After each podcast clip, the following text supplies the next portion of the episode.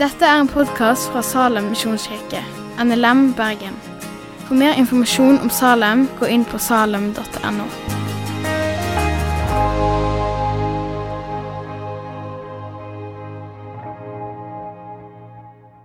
bots- og bededag, eller bots- og bønnedag. Og jeg tror noen tenker på denne dagen som en sånn dyster dag, der vi skal gå rundt og ha dårlig samvittighet og angre på alt det gale vi har gjort, og egentlig bare bli deprimert. Men jeg tror at vi kan tenke på denne dagen som en eh, lettelsesdag, der vi kan legge av oss ting som tynger oss, der vi kan eh, bekjenne ting vi har holdt skjult, kanskje forsone oss med noen hvis vi har noe uoppgjort. At det blir en dag for fornyelse og frigjøring mer enn at vi skal gjøre oss så deprimert som mulig. Jeg håper iallfall at det er det vi sitter igjen med. Og Vi skal som sagt eh, ta utgangspunkt i søndagens tekst. Den står i Lukas kapittel 18. og Vi kan godt reise oss og så lese den sammen. Han fortalte også denne lignelsen til noen som stolte på seg selv at de var rettferdige, og foraktet de andre. To menn gikk opp til tempelet for å be. Den ene var en fariseer, og den andre en toller. Fariseeren sto for seg selv og ba slik.: Gud, jeg takker deg fordi jeg ikke er som andre mennesker, røvere, urettferdige og horkarer, eller som denne tolleren. Jeg faster to ganger i uken og gir tiende av alt jeg tjener. Men tolleren sto langt borte. Han ville ikke engang løfte øynene mot himmelen, men slo seg for sitt bryst og sa, Gud, vær meg synder nådig. Jeg sier dere, denne gikk rettferdiggjort hjem til sitt hus, ikke den andre.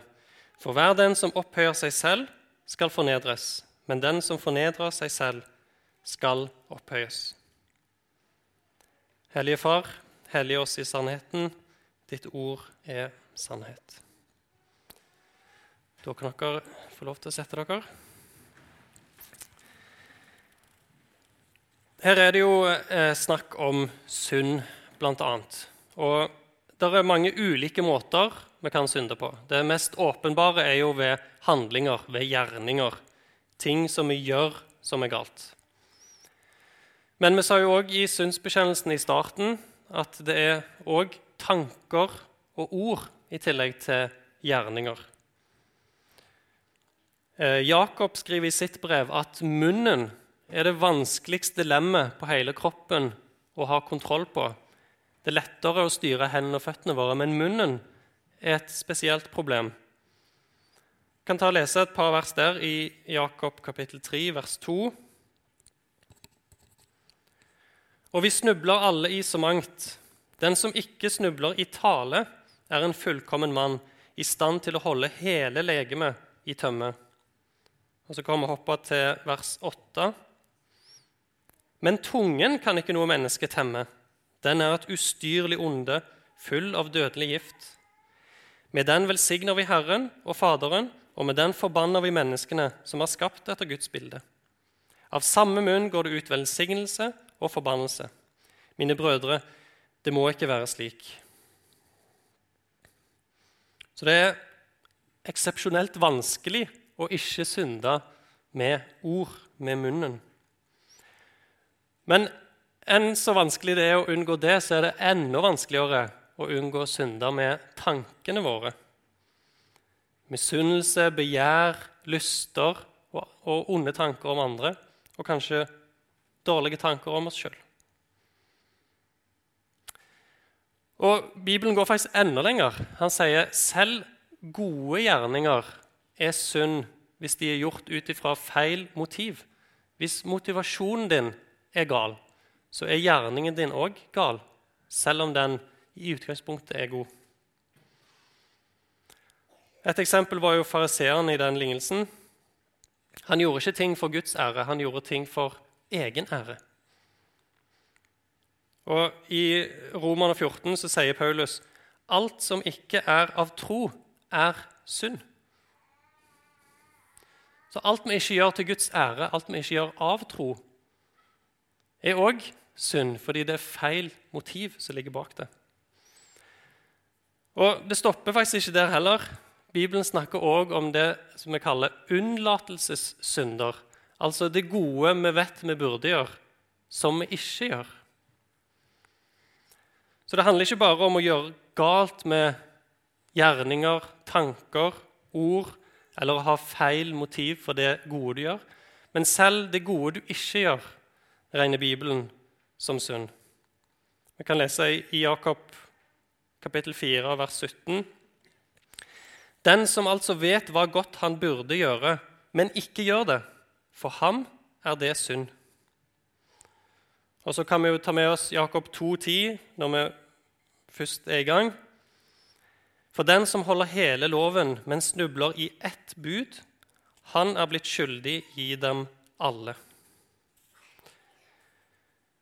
Så selv om Bibelen snakker om synd i form av kvantitet, altså mengde synder, og kvalitet, altså alvorlighet av synder, så kommer det til syvende og sist så er den avgjørende faktoren om du er en lovbryter eller ikke. Det er det som er det som gjelder til slutt. Fordi de utvendige syndene, eller de syndene vi legger merke til, det er egentlig bare symptomer på et underliggende problem som er langt verre. Vi blir ikke syndere fordi vi gjør synd, men vi gjør synd fordi vi er syndere. Det er synden i oss som er årsaken. Og de synlige syndene det er bare tilfeller der det som bor i oss, kommer til syne, kommer til overflaten. Hvis vi tenker på synd som en hai, så er syndene vi kan se, det er bare haifinnen som av og til kommer opp over overflaten. Men det virkelige problemet det er jo det som er skjult unna overflaten. Og Denne utvida tanken om synd den ligger til grunn for den lignelsen som Jesus forteller. Fordi utvendig så var fariseeren et bedre menneske.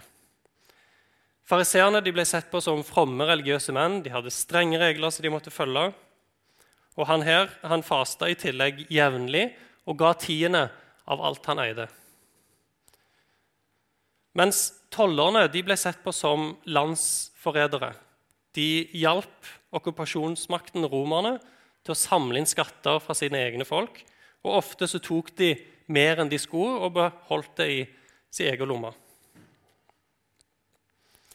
Men Jesus han ser på begge to som syndere. Han differensierer egentlig ikke når det gjelder akkurat det. Det var ikke antallet eller størrelsen på syndene deres som han egentlig fokuserer på. Det var ikke det som påvirka om de ble regna rettferdig eller urettferdig. Det var om de bekjente sin synd, og hvem de satte sin lit til. Hvem de stolte på. Fariseeren opphøyde seg sjøl og stolte på sin egen rettferdighet, mens tolleren fornedra seg og ba til Gud om nåde. Fariseeren var opptatt av å bli anerkjent av andre mennesker og prøve å vise for, for de hvor god han var. Men tolleren brydde seg egentlig ikke hva de andre tenkte om han.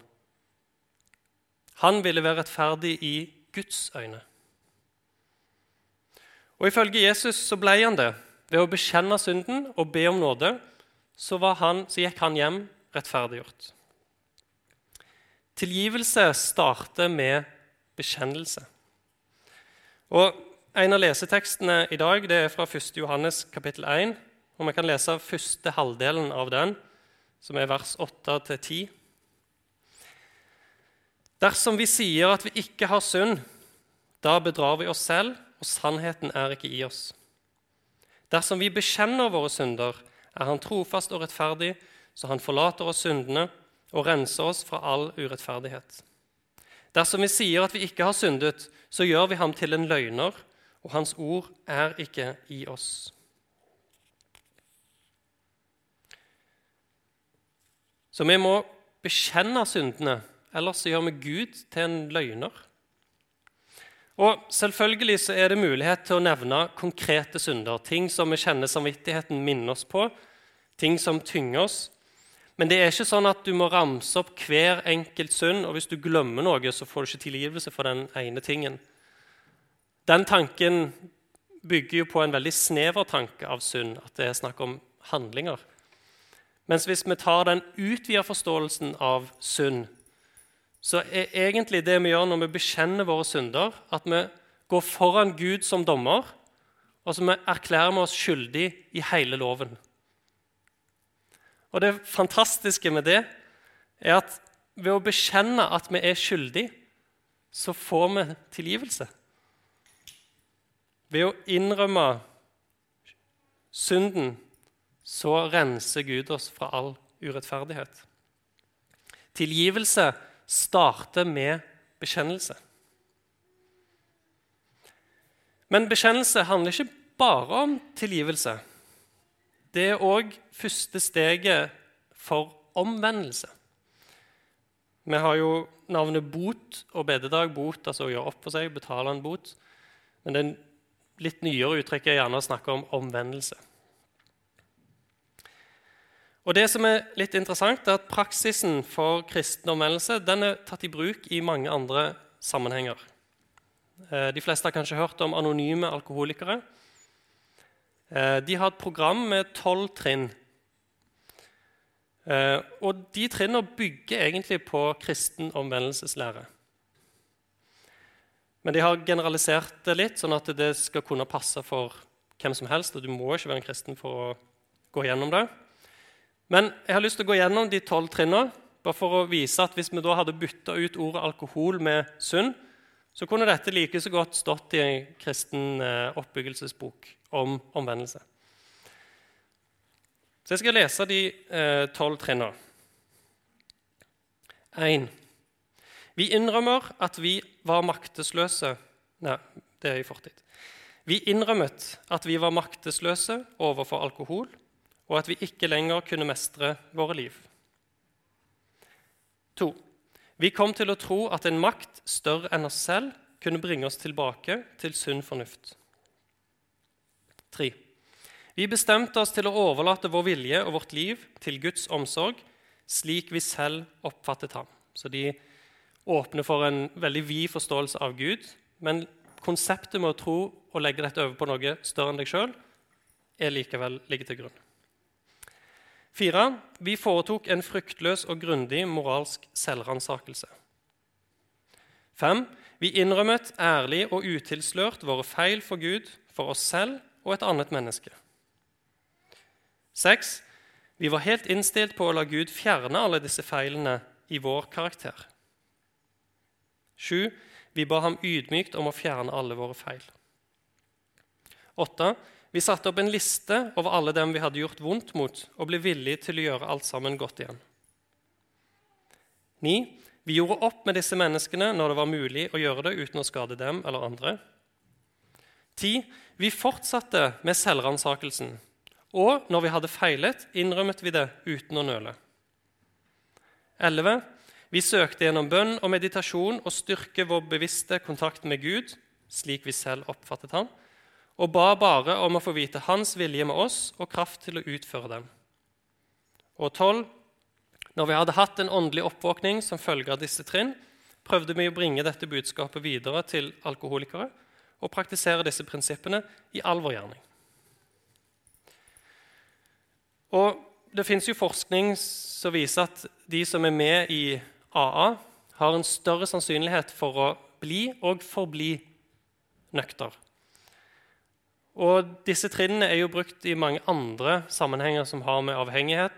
Og for eh, du har anonyme eh, narkotikamisbrukere. Eh, det er brukt for gambling, for avhengighet av pornografi, for en mengde andre ting, så funker disse trinnene. Så det er så litt interessant at læren om omvendelse den fungerer både på det åndelige plan, men det er òg på det menneskelige plan. Det er noe som samstemmer med hvordan vi mennesker fungerer på begge plan. Og det første steget er bekjennelse. Det første steget for å seire over synd, det starter med å innse at vi er maktesløse mot den. Vi må først gi opp før vi kan klare å seire. Vi må innrømme at vi ikke klarer denne kampen med egen kraft og vilje. Og så må vi vende oss til Gud, vende oss om, og be Han om hjelp. Og Det er det Johannes sier litt videre i resten av den leseteksten. Da er vi i 1. Johannes eh, kapittel 2, vers 1-2. Mine barn, dette skriver jeg til dere for at dere ikke skal synde. Og hvis noen synder, har vi en talsmann hos Faderen, Jesus Kristus den rettferdige. Og han er en soning for våre synder, og ikke bare for våre, men også for hele verdens. Altså Han sier at dette med å bekjenne syndene dette sier jeg sånn at dere ikke skal synde. Det, det, er ikke en motsetning mellom det å stadig bekjenne synd og på den andre sida kjempe mot synd. Nei, det er faktisk en, en, forutsetning. Det er ikke sånn at Hvis en fokuserer på synd, så er en ikke opptatt av seier mot synd. Nei, det er en nødvendighet. For å overvinne synd så må vi begynne med å bekjenne den, og vi må fortsette å bekjenne den. Ellers så vil vi bare ende opp med å lure oss sjøl. I Roman 1 så bruker Paulus et uttrykk å holde sannheten nede i urettferdighet. Altså undertrykke noe du vet er sant, sånn at du slipper å måtte forholde deg til det. Og I fjor så hadde jeg en periode der jeg først fikk betennelse i begge håndleddene mine. og så Etter det så fikk jeg brudd i foten, og så var jeg i tillegg på hjemmekontor. Så jeg hadde en periode på nesten et halvt år der jeg satt veldig mye i ro. Det var stort sett det jeg gjorde.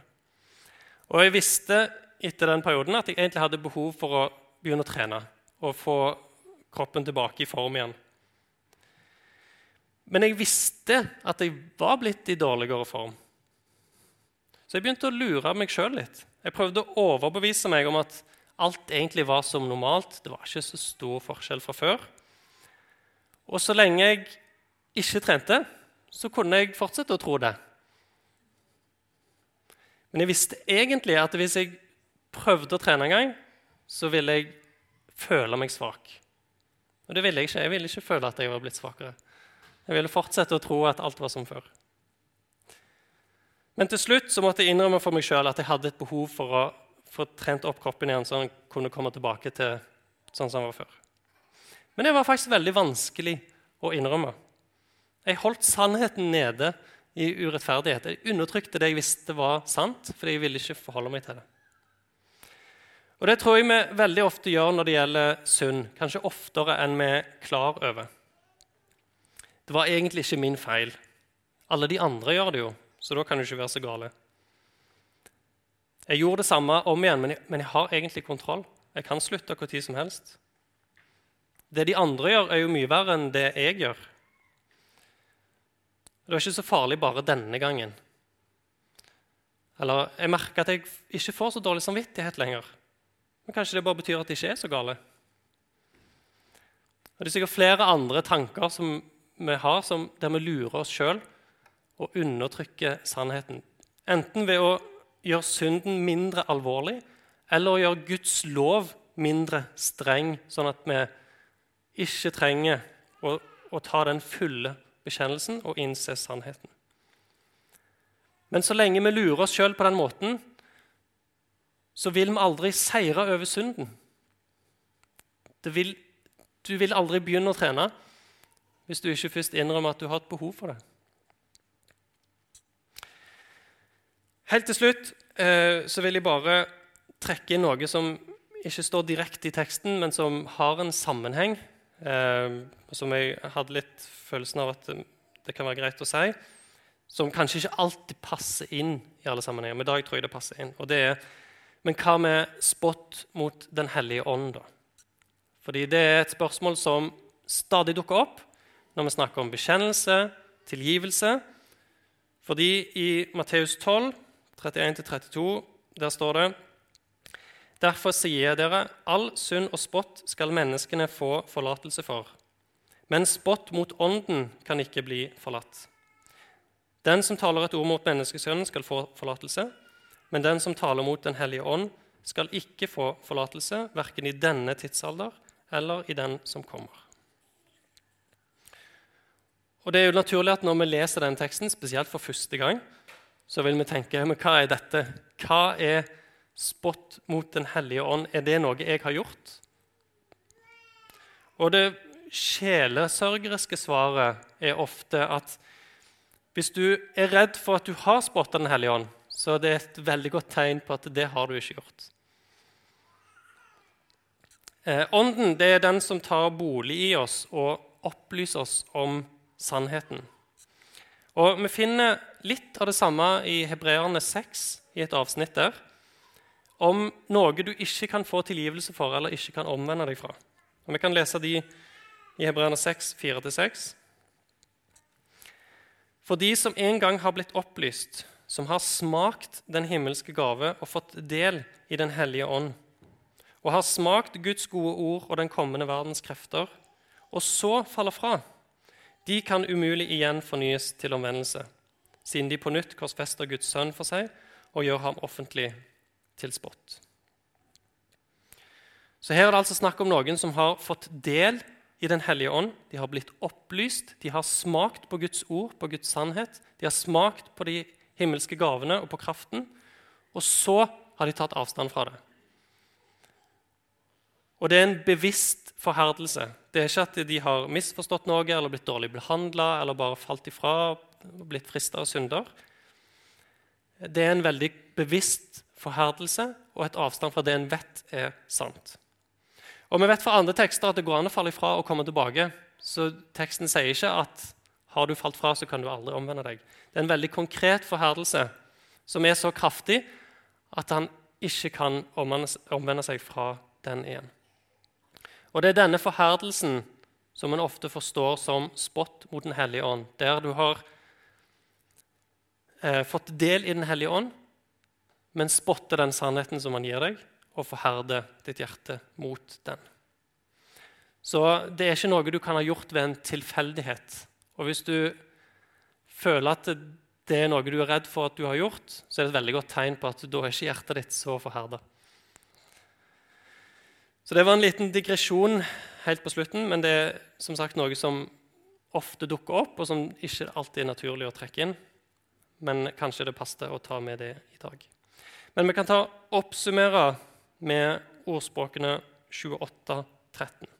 Den som skjuler sine overtredelser, har ingen lykke, men den som bekjenner dem og vender seg fra dem, finner miskunnhet. Amen. Takk for at du har hørt på podkasten fra Salem, Bergen. I Salem vil vi vinne, bevare, utruste og sende. Til Guds ære. Vi ønsker å se mennesker finne fellesskap, møte Jesus og bli disippelgjort her i Bergen og i resten av verden. Vil du vite mer om oss, gå inn på salem.no.